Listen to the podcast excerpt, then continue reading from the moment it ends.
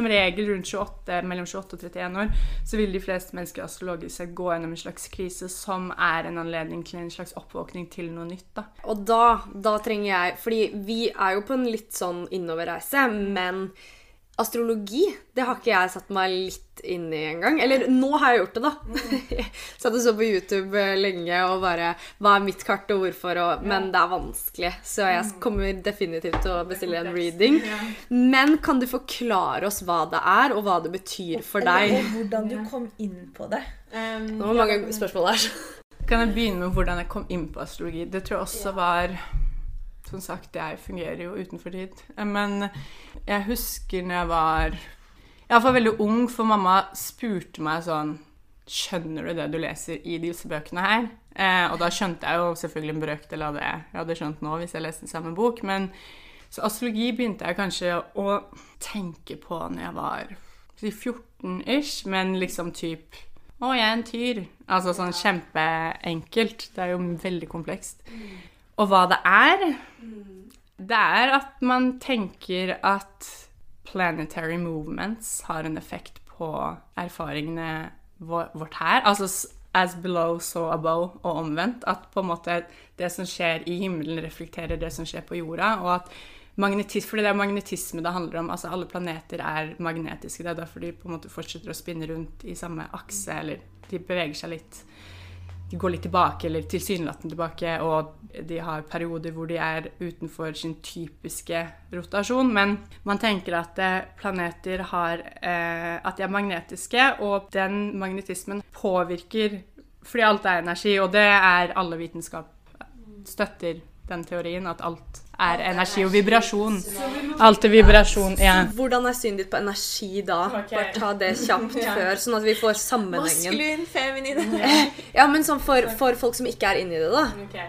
Nei, At alt er vibrasjon, og at alt eksisterer. Altså Til og med på en måte det vi oppfatter som materie, er jo Hvis du zoomer inn på atomnivå, så er det ting som står og vibrerer mot hverandre så, i så høy frekvens at det på en måte oppleves som materie. Mm. Men det er jo vibrasjon og spesielle planeter, og i forhold til hvor de er i forhold til planeten vår, hvor nærme de er, hvor fort de beveger seg, og på en måte det, basert på deres akse, vil påvirke um, De har hver sin signaturvibrasjon, da. For å si det sånn, så har du de planetene som er langt ut, som er Uranus, Pluto og Neptun. Som er de upersonlige planetene, kaller man astrologi, fordi de er lengst unna planeten og beveger seg veldig, veldig, veldig sakte. Så de har på en måte store energibølger som da påvirker planeten vår på generasjonsnivå, fordi at de beveger seg så sakte, og bølgene er så store, versus liksom Merkur, som er den nærmeste planeten, som beveger seg fort, og vil da ha mye mer instant påvirkning på oss. Med energi, magne magnetisme, vibrasjonene. Ok, Så magnetene skaper energi, Ja. ikke sant? Og så påvirker det ettersom hvordan stjernebildet eller Så har det direkte eh, påvirkning på energien på jorda, da. Er det ikke også på en måte høytidevannet, lavvannet, liksom månen Jo, månen, månen har for eksempel Altså, vann Ok, fordi det, det her er det problemet mitt er. For det er sånn Det her er masse greier, så hvis vi skal begynne å unpacke det, så er det sånn at vi skal begynne å snakke om vann. Så er det sånn Det er et element i seg selv som har masse symbolikk, men Ok, La oss si f.eks. Pluto er en generasjonsplanet. Så alle som er født i samme generasjon, vil dele Pluto i kartet sitt. Så Pluto vil, vil påvirke hele generasjoner og hele temaer for den generasjonen. Fordi den bruker 280-ish år på å gå rundt jorda én gang. Så den er veldig treig. Så liksom effekten av Pluto ok, det er her for å gjøre det enkelt, effekten av Pluto ser du over tid. Så eksempel, hvis du, hvis du skal måle i astrologi da, hvordan Pluto i et spesifikt tegn eller en spesifikk aspekt påvirker samfunnet vårt, da er det på samfunnsnivå, gjerne, siden det er en upersonlig planet, så kan du gå tilbake liksom til 1800-tallet og se hvilken invasjon som skjedde da, eller hvilken Skjønner du hva jeg mener? Så kan du se tendenser. Så på en måte Pluto i ditt kart er sånn Det er ikke så avgjørende for deg personlig, fordi den er så treig, mens Merkur, månen, Venus, eh, Saturn vil ha en mye større påvirkning på deg. Når du snakker om påvirkning, hva mener du med at de påvirker min energi, eller min energi til å gjøre ulike ting, eller liksom Hvor snakker vi her? Ja, fordi da har du også i, i astrologi så har du noe som heter helenistisk eller tradisjonell astrologi, som vil eh, bruker planetene for å forutse hendelser. Så da kan jeg som eksempel si hvis eh, Saturn går gjennom ditt andre hus i kartet ditt i 2022, så ville jeg sagt at ok, 2022 er året for deg hvor du kanskje liksom du skal ha utfordringer i økonomien din, da, som, som er med intensjon om å f.eks. redefinere forholdet til penger. Skjønner du hva jeg mener? Men da, jeg, da, da er det en event, på en måte. Mens hvis jeg skulle sett psykologisk astrologi, og du har Saturn i ditt andre hus, ville jeg tenkt at du er en person som kanskje syns det er vanskelig å bruke penger fordi du er redd det ikke skal være nok. Eller på en måte, du vet, mennesker som sparer mye mer, som er mindre Ikke sjenerøse, men som litt mer holder litt mer fast på pengene sine. Så da er det på en måte det er to ulike, det er ulike måter å se på astrologi. Gammel astrologi er forutseende, sånn er predictive. Da er det liksom eventer sånn det er lurt å, eller Du kommer til å gifte deg når du er 32, når månen går forbi Venus i Skjønner du hva jeg mener? Mens psykologisk astrologi ville sett på på en annen måte. Så Jeg bare lurer på hvordan det på en måte påvirker meg som menneske. Er det fordi vi er intertwined med energi, med universet, på en måte? Ja. For det var litt det jeg fikk ut av den videoen jeg så, da. Eh, At vi, alt er intertwined, sånn at den energien som er ute i spacet, Reflekterer tilbake til oss. eh, Ja. På ulike, da, ettersom hvordan stjernekartet så ut, eller Altså for eksempel hvis vi skal snakke om månen, da, som er den vi alle har i forhold til månen fordi vi kan se den, og den bytter tegn hver to og en halv dag, så det er på en måte det er en, det er en, en ting vi er hele tiden i aktiv relasjon med. Og månen styrer vann i kroppen vår, f.eks. Vann i kroppen vår styrer hormonene våre, som styrer følelsene våre. Så på en måte sånn Skjønner du hva jeg mener? Altså sånn, og det er det jeg mener med magnetisme. altså Grunnen for at det her skjer, er jo for at det, månen har en magnetisk effekt på planeten vår, og vannet på planeten vår, og da også i kroppen vår. Så det er jo på en måte å akseptere, eller ja, akseptere om det resonnerer, men at eh, vi ikke er en øy. Vi eksisterer ikke alene. Vi er i et samspill med solsystemet vårt. For meg så er det nesten sånn, det gir jo mening hvis vi roterer i en dans rundt hverandre hele tiden fordi vi er magnetiske, og så selvfølgelig vil det ha noe å si. Sola er jo også en planet i astrologi. Den varmer opp planeten vår hele tiden. Altså, å, ikke, å tenke at vi ikke er i relasjon med planeten i solsystemet vårt, er for meg litt sånn Det er rart, nesten. Ja, det er jo litt rart, fordi det gir jo ikke mening at vi ikke er i relasjon. Skjønner du hva jeg mener? Mm. Det er så stor intelligens, da, eller universet, og, og vi tror at universet er inni oss, og vi på en vår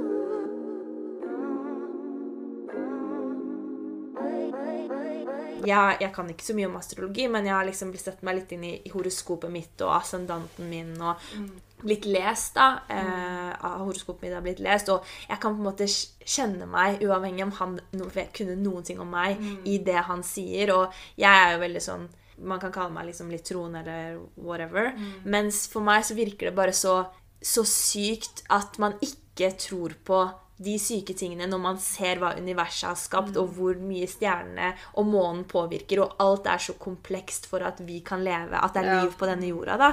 Jeg tror det henger mye sammen med at det, det blir også store temaer, men jeg tror over tid Altså, vi alle kommer fra urbefolkning. Altså sånn, Vi alle har levd Forfedrene våre har vært urbefolkning en gang, og da var vi sterkt knyttet til Eller nær knyttet til naturen og kroppen vår. Og jeg tror liksom etter at patriarkiet, f.eks., som er en veldig da, maskulin energi, vokste frem, så har vi blitt veldig kuttet av kroppen vår. Og på en måte det er jo også derfor vi snakker om sånn derre at vi lever nesten bare i hodet vårt, og det er jo derfor vi er avhengig av stimuli og sånn. Og det er jo egentlig for å distrahere oss selv fra å være i kroppen vår. Og det som skjer når vi er i kroppen vår, er også at vi er til stede i øyeblikket. Den eneste måten å være til stede i øyeblikket på, er å være i kroppen sin. Det er den eneste instrumentet. Altså sånn, Hvis du ikke er i kroppen din, så er du heller ikke til stede i øyeblikket, fordi du er bare her og nå i kroppen din. Men eh, også jeg tror at tanken om at vi eksisterer som en øy altså da, da Jeg bruker uttrykket som at vi er uavhengig av alt annet åpenbart liv rundt oss, er et resultat av at vi også er disconnecta fra kroppen vår. Så jeg, mener at over tid så har vi blitt programmert til å føle oss så avkutta fra det større bildet. Det med, altså Vi lever ikke lenger holistisk og integrert, da, er poenget mitt. Sånn, jeg tenker at vi er vel, blitt veldig individu individuelle. Og på en måte sånn, til og med bare det reflekterer seg i samfunnet. altså Vi er ikke lenger villages eller communities. Vi er sånn, vi er individer. Vi konkurrerer med hverandre. Ja, altså det er jo kapitalisme og patriarki og på en måte en veldig maskulin energi som vi har vært i i mange, mange, mange hundre år nå. Og jeg tror liksom en del av det å se seg selv som en, større, som en del av en større helhet, da, bare ref liksom astrologi, så er det sånn Det gir jo totalt igjen totalt mening at på en måte vi er påvirket av store planetary bodies som eksisterer i samme solsystem som har rotert rundt jorda vår siden jorda ble. Selvfølgelig. Så har det en effekt på oss, liksom. Akkurat som sol. Sola og månen har vi lett for å akseptere som liksom at de påvirker oss. Fordi vi ser det jo på en måte vi har eh, Vi kjenner det jo direkte. altså Vi kjenner sola, vi vet hva sola gjør. Det er, sola får alt til å vokse. Det er life force, og det er det også astrologi. Det er vår life force, måte hvor solen vår er kilden vår til livskraft. Og sammen med må månen er vårt indre liv og emosjonelle liv og følelseslandskapet vårt, som er da knyttet til vann og menstruasjonssyklus for kvinner. og liksom, Der har vi på en måte lett for å akseptere det, for det er så nært og så tydelig. Og hvis man på en måte da ekspanderer det synet litt og tenker at liksom de andre planetene også har en effekt på oss, da. Og for de også eksisterer i samme solsystem, og de også har en vibrasjon, og de også har en spesifikk magnetisk effekt på planeten vår. Da tenker jo du at astrologi kan gi svar på eksistensielle spørsmål. 100% Jeg baserer hele livet på astrologi. Så ja, jeg mener jo det personlig, ja. Så mener jeg også at eh, vi er satt her på jorda for å utøve vår personlige kraft, så jeg mener ikke at den kan definere hele livet vårt, men jeg mener at det, astrologi kan gi deg guidelines på hvordan du effektivt kan bruke energien din. Så hvis jeg f.eks. ser Ok, nå på en måte har jeg støtten fra de og de planetene til å tappe inn på det og det her, og de hjelper meg. Det er et samarbeid, skjønner du, men jeg er hovedpersonen i mitt liv. Av og til, og det er samme med tarot, så er det ting som er sånn det her skjer. Sånn. Du har ikke en saying i det. Men som regel så har vi en saying i det. Så for meg så er astrologi et samarbeid med planetene. Så eksempel hvis jeg skulle sett på kartet ditt, og du sier at du har lyst til å starte business for deg selv, da, så ville jeg kanskje sagt at i mai eh, Du har liksom ikke støtte, men hvis du venter til august, så er det heftig, fordi da vil disse og disse planetene her hjelpe deg. Så det er, en, sånn, det er et, en relasjon, på en måte, og det lever. Og man har også ulike forhold til ulike planeter. Sånn, for hver planet holder sin egen energi, og noen av planetene trigger deg. Akkurat som mennesker. sånn, Den energien er jeg ikke så komfortabel med, og da er det mest sannsynlig den planeten du burde jobbe med. skjønner du? Eh, og så har du noen planeter som føles veldig sånn ah, deg, mm, deg liker jeg. Og da er det sånn det er hyggelig, det, men vi vil ekspandere. Skjønner du? Sånn, la oss, så ja, for meg er det et samarbeid. Så astrologi legger guidelines og veileder i form av når du har planetene på din side, quote on quote, og når det på en måte ikke nødvendigvis er en god match, da. Og så spør man kanskje styre unna. Hvordan kommer tarot inn i det? De spiller ofte på veldig mange av de samme arketypiske energiene. Sånn eksempel i tar, et tarot-kortstokk så vil du ha Alle kortene har også en astrologisk Altså de korresponderer, da. Og jeg liker å bruke astrologi og tarot sammen på den måten at det, astrologien legger setter konteksten. Så på en måte, hvis jeg leser deg, og så ser jeg ok, nå er det her aktuelt astrologisk sett. Nå, disse to månedene her så kommer dette temaet til å være aktuelt for deg. Og så trekker jeg kort på ok, hvordan kan du bruke den energien mest mulig effektivt. Eller hva, hvilken lærdommer gjemmer seg her. Eller hvilken ting er det du ikke ser. Eller hvilken ting burde du være obs på. Eller hva burde du i hvert fall ikke engage i. Skjønner du hva jeg mener? Så på en måte, astrologi blir på en måte the bigger picture. Og større energier som legger the framework, men hvordan du, du jobber innenfor the framework, er til syvende og sist opp til deg. Og så vil Tarot da gi deg veldig mer konkrete råd til hvordan å jobbe med energien. Så det er på en måte sånn jeg bruker. Hvordan lærte du å bruke tarot, da? Er det, en, er det en, et kurs, eller er det Ja, det kan man. Ikke tatt kurs i tarot. Jeg har jo lest bøker. Og altså sånn Tarot er en tradisjon, som på en måte Det er et system, da, um, som også er på en måte en framework, fordi intuisjonen din må jo spille inn f.eks. ett kort kan Igjen, ethvert kort er et arketypisk energi, som vil si at den, den innebærer alle aspektene ved en energi. Så ett kort kan bety 20 forskjellige ting, basert på hvilken kontekst det er satt i, eller hvilket kort det står sammen med. Spørsmålet kan være viktig, og hvilken posisjon, hvis du, hvis du leser kort med spreads, altså at du har Ok, her, denne posisjonen er for fears, altså frykt. Hva er det som du underbevisst er redd for? Hva er det du underbevisst håper på egentlig i den situasjonen her, som du ikke engang skjønner selv? Du kan, ha, du kan gjøre hva du vil med det, men ett kort vil Det vil ha en arketypisk energi, men basert på hvilken posisjon det ligger i, og hvilke kort det er engasjert med, vil avgjøre betydningen og intuisjonen din. Eh, Tarot er en kjempegammel tradisjon og et system som har egentlig ganske sånn fastsatt mønster, men og folk vil være uenige der, liksom. Noen vil si at nei, det er 100% intuitivt, du kan tillegge ethvert kort den meningen du vil. Det viktigste er at intuisjonen din spiller med deg, så hvis det funker for deg, så er jo det riktig for deg. Jeg er liksom tradisjonell, jeg er steinbukk-ascendant, jeg liker liksom tradisjoner og elsker liksom ting som har vært lenge, da, gamle ting generelt. Så jeg syns liksom mye av det hellige for meg er at mennesker før meg og over lang tid har på en måte engasjert seg i samme energi og arketypisk energi over tid. Og tradisjon, jeg liker å respektere tradisjonen og selvfølgelig være åpen for intuisjon og lek. Jeg ser at du elsket villkvinnen. Ja, absolutt, faktisk. Fordi du har jo din egen business, som sagt, med tarot reading. Og hvordan turte du å følge den drømmen? Eller sånn, du kjente jo det inni deg selv at det her er riktig for meg. Dette er kanskje min gave, da. Eller dette er min gave.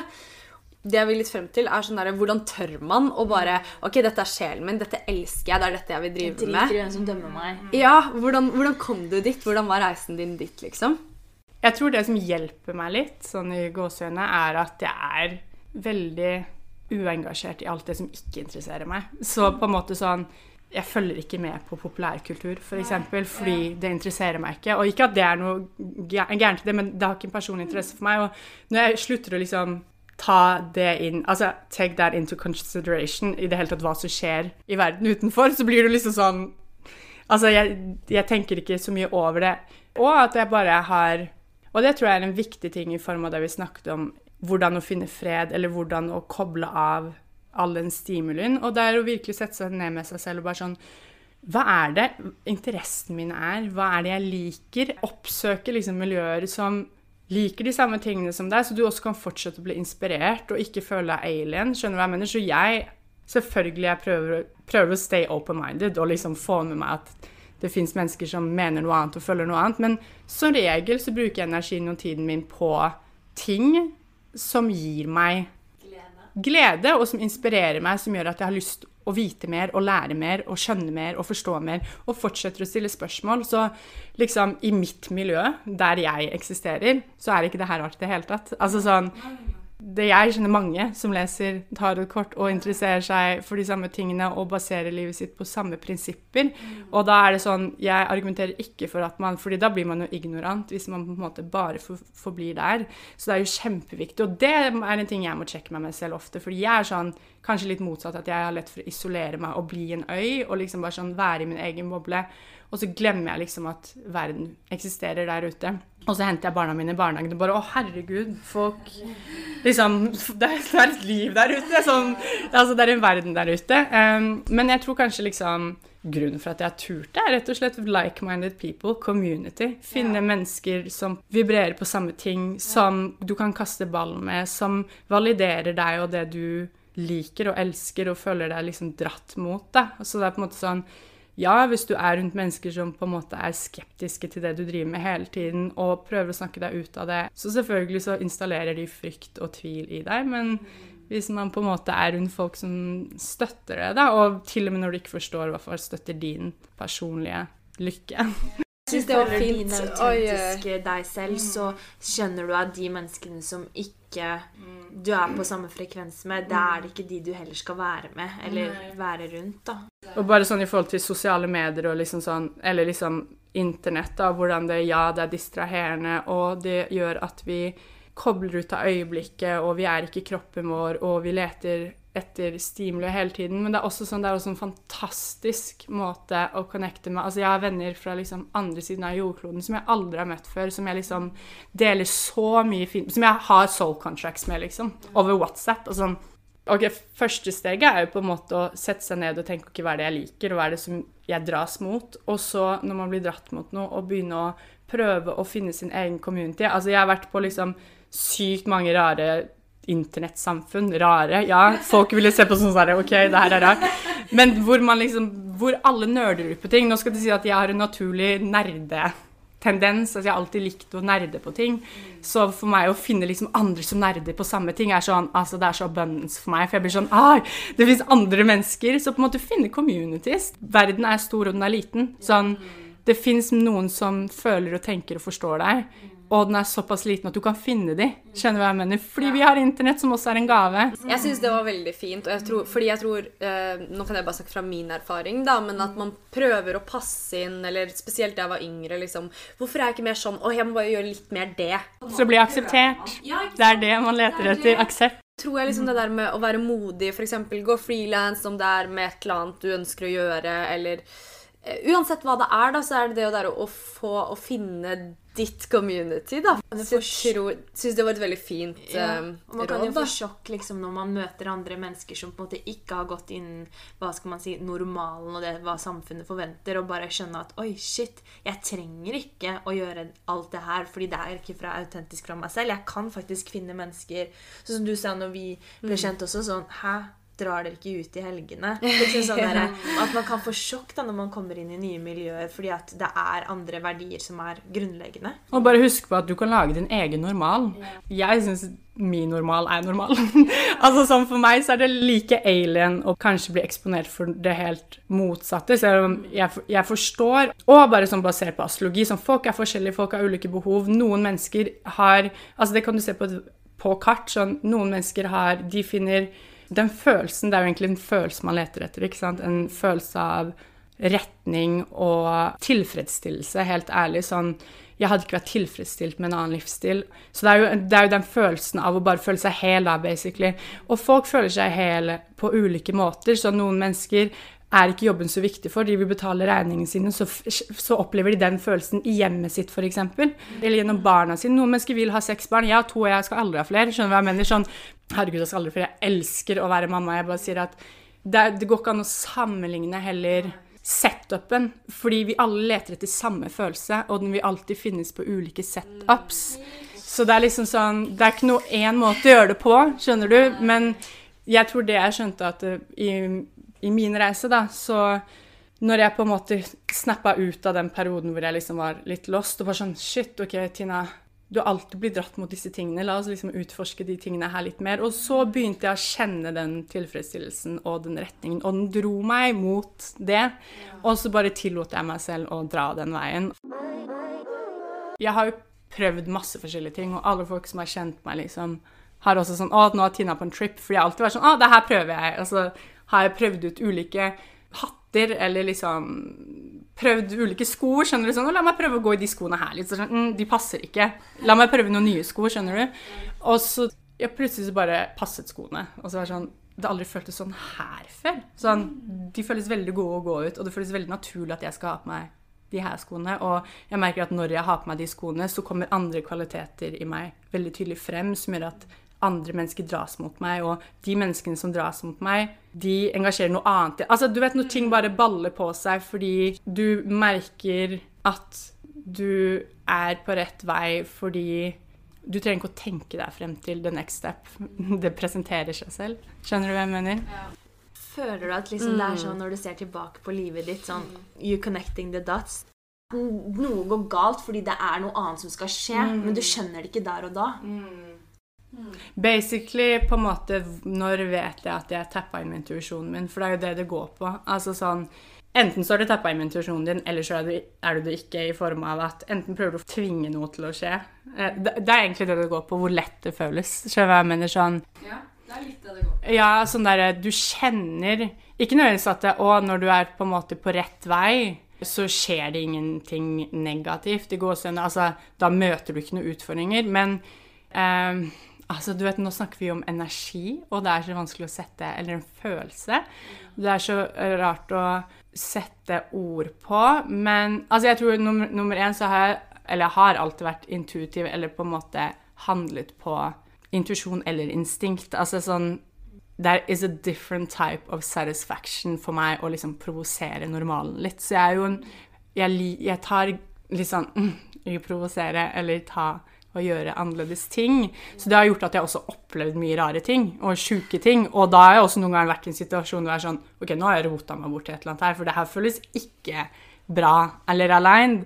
Og så plutselig sitter jeg et sted og bare hmm, ja, OK, nå havner Så det er jo også litt sånn derre Jeg tror liksom en av de liksom tidligste musklene jeg begynte å trene, altså energetically, var kanskje det å ha tillit til Skjønner du? Til reisen min, og på en måte Jeg vet at hvis jeg er i deep shit, så fikser jeg det. Så jeg har en grunnleggende sånn tillit til meg selv.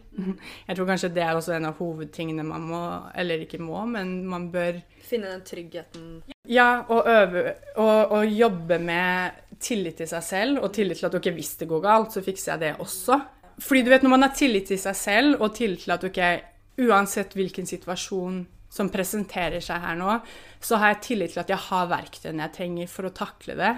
Eh, Jeg har også kanskje en venn eller to eller et nettverk jeg kan lene meg på. Og igjen, vi er ikke øyer, vi eksisterer, vi er interdependent, vi trenger hverandre, liksom. Det er jo det vi ikke har forstått til nå, men det vi begynner å våkne opp til, da. Men å på en måte bygge den tryggheten. Det er som et barn, liksom. Sånn, et barn begynner å utforske miljøet sitt når de føler at de har en trygg base. Og mange av oss kommer ikke fra en trygg base, fordi vi er igjen liksom childhood trauma og alt sånt, men begynne å jobbe med det og skape en trygg base og tillit til seg selv og tillit til seg selv at jeg har vært gjennom ting før, og jeg har fikset det. Og da er det mye lettere å begynne å stole på the bigger picture og liksom universet. Fordi da skaper du rom til å leke litt, og jeg tror kanskje mye det handler om, er å prøve å utforske og eksperimentere litt, og da erfare at det går bra. Og da erfare i synchronicities, eller at ting går henger på greip, eller at ting gir mening, skjønner du. Men ofte så opplever man ikke de tingene fordi du ikke tillater deg selv å eksperimentere. Da. Så jeg tror liksom det jeg har gjort, er at jeg har eksperimentert sykt mye. Fordi jeg har hatt en grunnleggende tillit til at jeg takler det som kommer.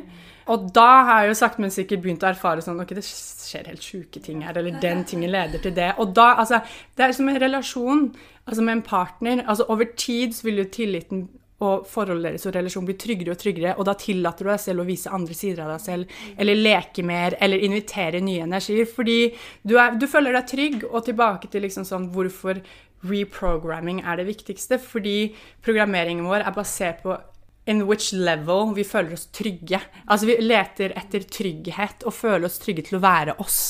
Så på en måte som hvis man er, hvis man er utrygg, og man har en utrygg core, så vil man ikke oppleve de tingene fordi du har ikke en trygg base. Okay. ja. Det det er jo som at du liksom du, Vi snakket om det litt sånn der at noen lever livet sitt på alt de ikke kan gjøre. Hvis jeg ikke går dit, så holder, så holder jeg meg unna. Sånn som du snakket om, Kaja. Bare sånn at du, du har masse sperringer som du ikke gidder å gå til. Fordi da klarer du å leve livet rolig, men så skjønner du bare at du bare begrenser deg selv helt sykt. Og du dør. Du, helt ærlig, energetically så dør du. Fordi du er ikke connected Og du er ikke connecta til coren din og det du er her for å gjøre. Og det er sånn, apropos liksom sånn hva som er skrevet og ikke, sånn Ja, jeg tror at vi er Og det er på en måte det et stjernekart er, er sånn du har ditt helt unike energetic blueprint. Å leve utenfor det er å cheat yourself, og du kommer deg ikke ut, utenom det. skjønner jeg mener? Så enten så tapper du inn på det og prøver, og bare kjenner at nummer én, da arrangerer ting seg på andre måter. Eller så lever du utenfor kartet ditt eller your energetic blueprint, og det er en sakte død, helt ærlig, en spiritually. Sånn, Det fins mange døde mennesker som lever. Ja. Det har forskjell på å leve og eksistere. Men, men da må jeg spørre om en ting. Hvordan skapte du den tryggheten i deg selv? Fordi, som du sa, veldig mange av oss kommer ikke fra de bakgrunnene hvor man har hatt den tryggheten, den basen, til å tørre å gå ut i verden og gjøre alt kreative Og ting. Og, og feile, ikke sant? Meg inkludert. Så mange ganger jeg har hatt muligheten til å eh, reise eller men jeg tør ikke. Jeg kan ikke være alene med tankene mine. Det, tankene mine er det jeg har frykta mest i hele verden. Så det å sitte alene med de har vært det jeg har vært mest redd for. Og det er der du har mest ting som gjemmer seg. Men jeg har klart å finne den tryggheten i meg selv på et helt annet level. Eh, spesielt de siste åra. Hvordan har du jobba med å få den tryggheten i deg selv når man ikke har den fra en trygg eh, relasjon bak, bak der? ikke sant? At du må på en måte skape den til deg selv da, for å tørre å leke og være kreativ. Jeg tror kanskje det som har hjulpet meg mest, det er todelt. Jeg tror det er å bruke mye tid på å finne ut av For det er sånn Hvem jeg er, det endrer seg jo. Vi er fluid. Vi er ikke den samme. altså Det endrer seg hele tiden. Men bli tydelig på hva jeg ønsker, og invitere inn i erfaringen min. Menneskeerfaringen min, altså inn i livet mitt og realiteten min.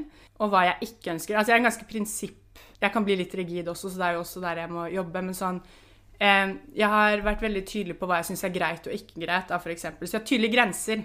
Så jeg tror gren tydelige personlige grenser, Ofte grunnen for at folk ikke har tydelige personlige grenser, er fordi de ikke vet hva grensene sine er.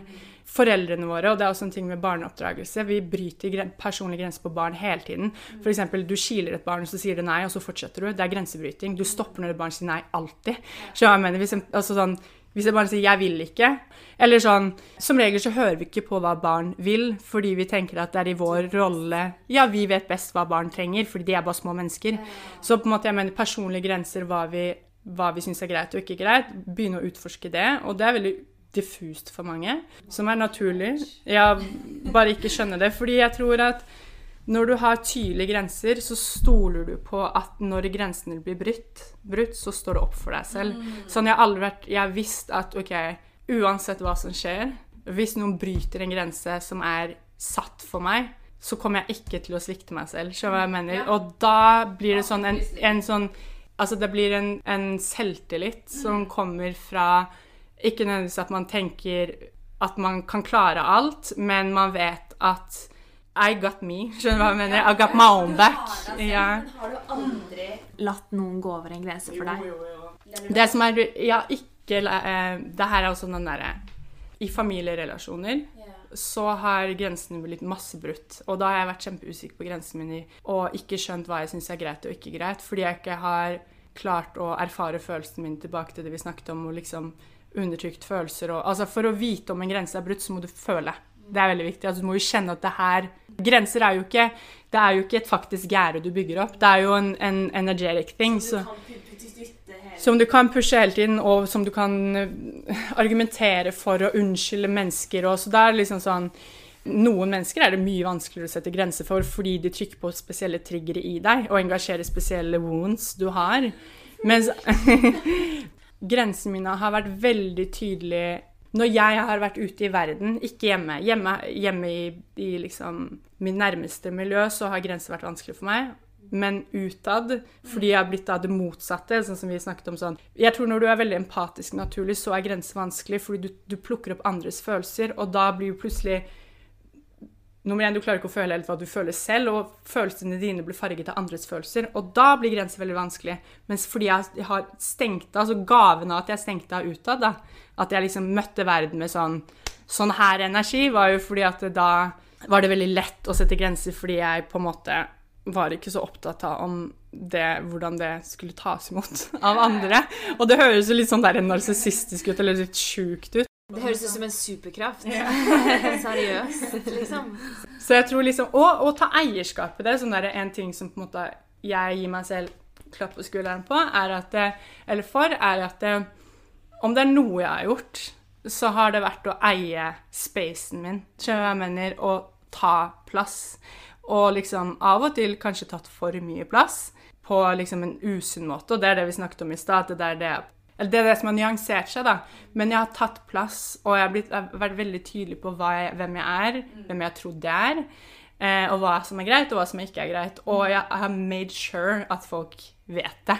Så på en måte sånn, det er jo det som har vært skremmende for folk også. Og det å det så finne det er, det er så få som egentlig vet hva verdiene sine er. Mm. Og man snakker om at det er så viktig fra man er liten og i samfunnsfagen med normer og verdier, liksom. Mm. Men så skjønner man ikke egentlig hvor viktig det er å sette sine grunnverdier. Og hvis noen går over det som er en verdi for deg, så er det gre- grenseovertråkking, eller hva jeg skal kalle det. Mens for meg, da, og sikkert veldig mange andre som ikke har vært flinke å sette de grensene, da har bare den grensa bare blitt flyttet og flyttet og flyttet, og så skjønner du selv at ok, de verdiene jeg trodde var kjempeviktige for meg, de lyser jo ikke ut i handlingene mine i det hele tatt. Så man må nesten ta seg selv tilbake og bare ok eh, Men jeg føler det handler om selvkjærlighet. Definitivt. Grensesetting, selvkjærlighet. Liksom protect yourself, protect your energy. Og det var energy, kanskje på ikke lille Tina så Hun hadde kanskje ikke den selvkjærligheten. Mm, nei, nettopp. Nei, det er akkurat det, og det er derfor også at når jeg var henne, da var det vanskelig. Men når jeg tok på meg en slags sånn Jeg tror noen ganger, helt ærlig, når du kommer til grensesetting, at det kan være lønnsomt å på en måte nesten ta på seg energetically et kostyme av en, siden du sier superpower, en superhelt. Sånn eh, Ta liksom eierskap i plassen man tar, og liksom tenke at det, Også folk syns det er heftig hvis du tar plass på en, en considerate måte. Altså en sunn og fin måte som, ja, som også inkluderer andre mennesker. altså Som også gjør at andre mennesker kan ta plass. Ikke at man bare tar plass selv, men jeg mener sånn At man inspirerer ved å tørre selv. At andre blir inspirert å tørre selv, de også. Og det følte jeg faktisk veldig på workshopen deres. Når jeg snakka høyt i starten der, så var jeg dødsnervøs. Men så var det bare sånn Men dere gjorde det, og det var bare en god energi. Og det gjorde at jeg ble inspirert til å tørre å snakke også. Og det er så fint da at man kan skape et community hvor man inspirerer hverandre til å tørre å være seg selv. da. Og så bare huske på at fordi ofte så kan man være redd for å ta plass fordi man er redd for responsen man skal få. Og huske på at enhver person som ikke ønsker at du skal ta plass, har det ikke bra med seg selv. Så jeg mener? Så en- enhver person som er um, komfortabel i sin egen space, vil ikke ha noe problem med at du tar din space. Så, mener? Så Man tar Ikke ta det personlig. ikke ta det Ja, personlig, hvis- fordi det, det er Hva skal jeg si Ja, det er ikke personlig. Ja, da det ja. Nei, ja. That Witch Tina. Hvordan kom liksom det begrepet heks? Ja, ok, forholdet mitt til det, det er interessant. Eh, eller interessant. Um, for meg så er det kjempe-empowering å identifisere med bare ordet heks i seg selv, fordi som jeg sa i stad, sånn Det er et ord som automatisk trigger mennesker, og på en måte det handler også litt om å liksom tørre å ta plass, i form av at det kommer til å trigge enkelte mennesker, eller folk har tanker om det. Ta eierskap i det og tenke at det er ikke så farlig. Men vi opplever spiritualitet eller source eller Gud eller gares, eller hva enn gjennom vårt eget filter, og det viktigste for Gud er bare at vi catcher det, og vi forstår at man etablerer kommunikasjon, meg og the higher power. Eh, og for meg gjennom liksom witchcraft, eller liksom hvordan det Og det er jo et helt tema for seg selv. Det gir 100% mening for meg. Og det jeg ser nå, er at det er jo sånn jeg egentlig alltid har filtrert livet. Så jeg har på en måte alltid vært i den pathen, og på en måte det gir helt mening at jeg identifiserer som en heks nå fordi Altså bare sånn der, Det kan være liksom Nummer én, jeg leser Witch-bladet. The Witch, yeah. Witch, ja, og jeg var obsessed med det. Men liksom, det blir vanskelig å snakke om det her uten å på en måte inkludere hva det handler om. Men for meg så handler det om å være heks og ta plass. Ta min egen kraft som kvinne tilbake. Ta eierskap i at I will piss some people off. Og I don't give a fuck, for å være helt ærlig. Og at spiritualiteten min er alltid kanalisert gjennom kroppen og praktisk. Altså sånn Min praksis, spirituelle praksis, er veldig praktisk. Et eksempel på hva det å være en heks kan være, da, er og dusje med intensjon. med spesifikke urter eller med salt, eller plassere en krystall i dusjen og energetic cleanse, eller lage mat med intensjon, eller f.eks. det å spise i seg selv er, eller maten du spiser i seg selv, er intensjonell, og jeg finner liksom kontakt med liksom min source gjennom veldig praktiske embodied ways, eller liksom være i skogen, f.eks. Uh, min spirituelle praksis er i stor grad inkorporert i the flow of life og hverdagen. Sånn en kopp kaffe kan være et ritual.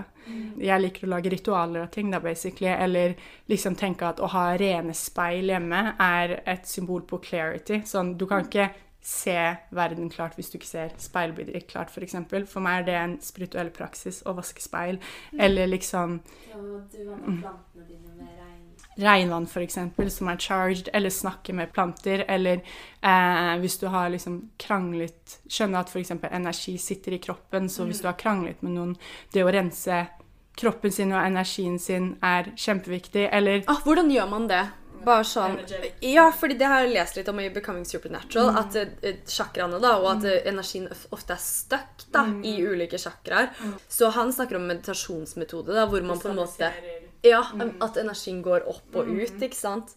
Mens hvordan jobber du med det? Hvordan er det du yeah. jobber med å få energien videre, da? At ikke det er stuck, at du har vondt i brystet for du er redd eller sinna eller Energi for folk har forskjellig energi for meg setter seg veldig i kroppen. Sånn jeg får veldig fysisk vondt i kroppen. Jeg har en eh, autoimmun, eller på papiret en autoimmun sykdom som gjør at det er en slags leddgikt. Og jeg tror det er innestengt, innestengte følelser, men at følelser setter seg i kroppen.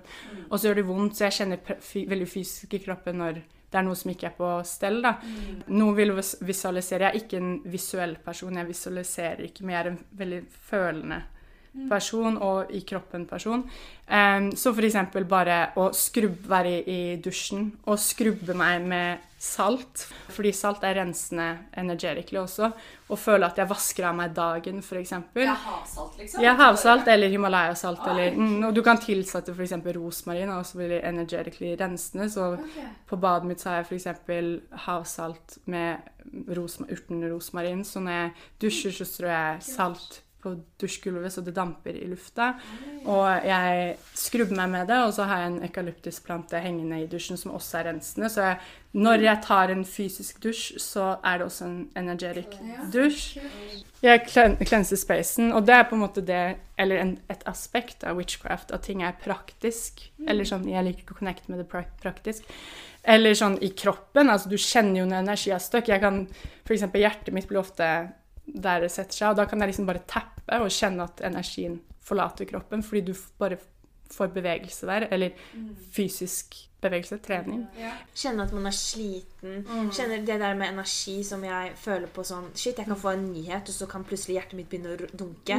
At liksom kroppen din fysisk føler på en energi fra et menneske, eller en, et ord, til og med. Og den eneste måten å plukke opp det på, jeg tror liksom Det er derfor også sånn I liksom the, the spiritual community, da, som er liksom the larger community, eller interessen rundt alle, alle disse tingene her, så er det ofte snakk om liksom ascension. At man skal ascende et eller annet. Og det handler jo da om å komme til et annet plan enn kroppen sin. Og for meg så er det litt omvendt, fordi vi er allerede pure light, hvis du skal si det. Og den eneste måten, eller grunnen for at vi ikke opplever den versjonen av oss selv, er fordi vi har sperrer i kroppen og i den fysiske erfaringen, eller i det fysiske livet i realiteten vår. Så på en måte ofte handler det om å komme tilbake til kroppen sin. Hvis du er i kroppen din, så kjenner du når energi fester seg, og da kan du også med en gang kvitte deg med den. Fordi du kan puste den ut, til og med.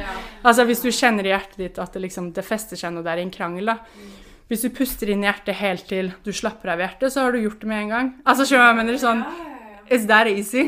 Hvis du er til stede i kroppen din, så kjenner du når det skjer. Er ikke det er rart? Jeg blir, jeg blir sånn Jeg står og puster mens du snakker om Det er, Det er veldig sant. Det er det fysiske sensasjonene, liksom. Og mange ganger så føler man seg Eller kan man ikke føle seg connected med sin egen kropp. Sånn, vi, eller jeg føler i hvert fall meg veldig blest med liksom en frisk kropp som gjør alt den klarer. Men det er jo mange som sitter og føler på at oi, shit, kroppen min klarer ikke det hodet mitt vil at den skal klare. Og da, da blir man jo disconnected. Og jeg har hatt et kjempekomplekst forhold til kroppen min, for jeg har hatt mye vondt i kroppen, og kroppen min har ikke vært et fint sted å være.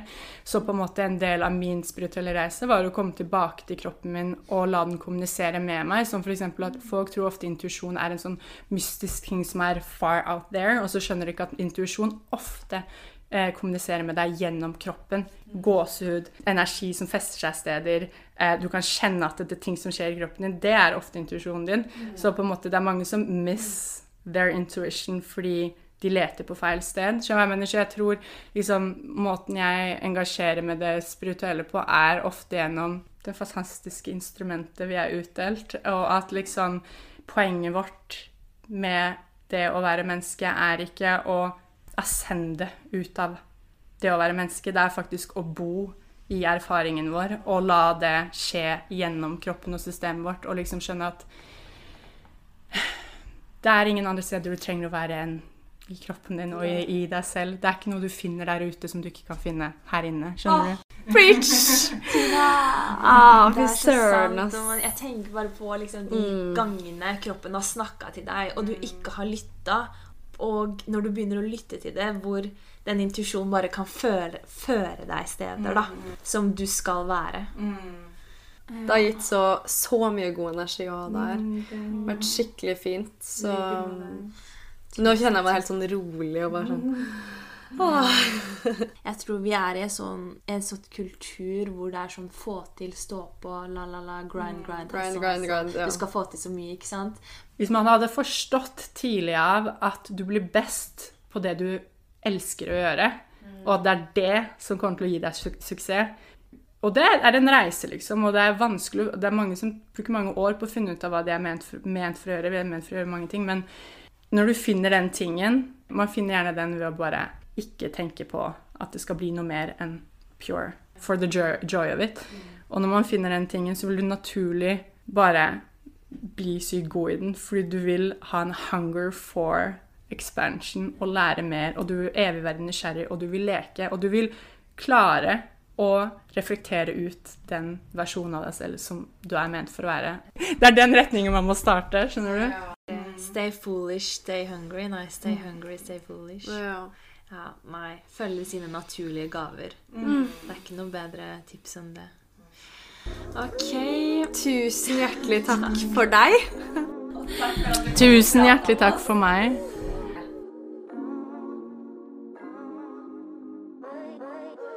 Og da er det sånn Det kommer jo til å skje. Skjønner du hva jeg mener? Det, er, eh, det jeg har lært med barn, er at det viktigste man kan gjøre med et barn, er å lære de eh, å reparere. Og ikke bli, være, tenke at man skal være udødelig og perfekt. Sånn. Det skjer jo at liksom man mister, mister det. Selvfølgelig i hvilken grad du gjør det. det det er jo kjempeavgjørende om- om det er innafor eller ikke. Men sånn, for eksempel, jeg har en sånn Jeg skal ikke heve stemmen min til barnet mitt, da, for eksempel. Det er en regel jeg har for meg selv. Så, men det har jo skjedd at det har skjedd at jeg liksom Hei! Du er sånn. Og vært en, en truende skikkelse for barnet mitt i form av at jeg irettesetter han ved å ha, sånn skremme han, da, som det egentlig er. Ja, og det er liksom en sånn en no-go for meg. Og det har skjedd et par ganger fordi livet skjer og Ja, ja, ja. det er bra at det skjer, for da skjønner du at du vil ikke at det skal skje. Ja, og så får du anledning til å vise barnet ditt at man kan reparere. Sånn, Når det har skjedd, så har jeg satt meg ned med han og sagt Hei, unnskyld, mamma skulle ikke ha skreket til deg. Mamma var sliten, og mamma var sint, men det er ikke lov å skrike.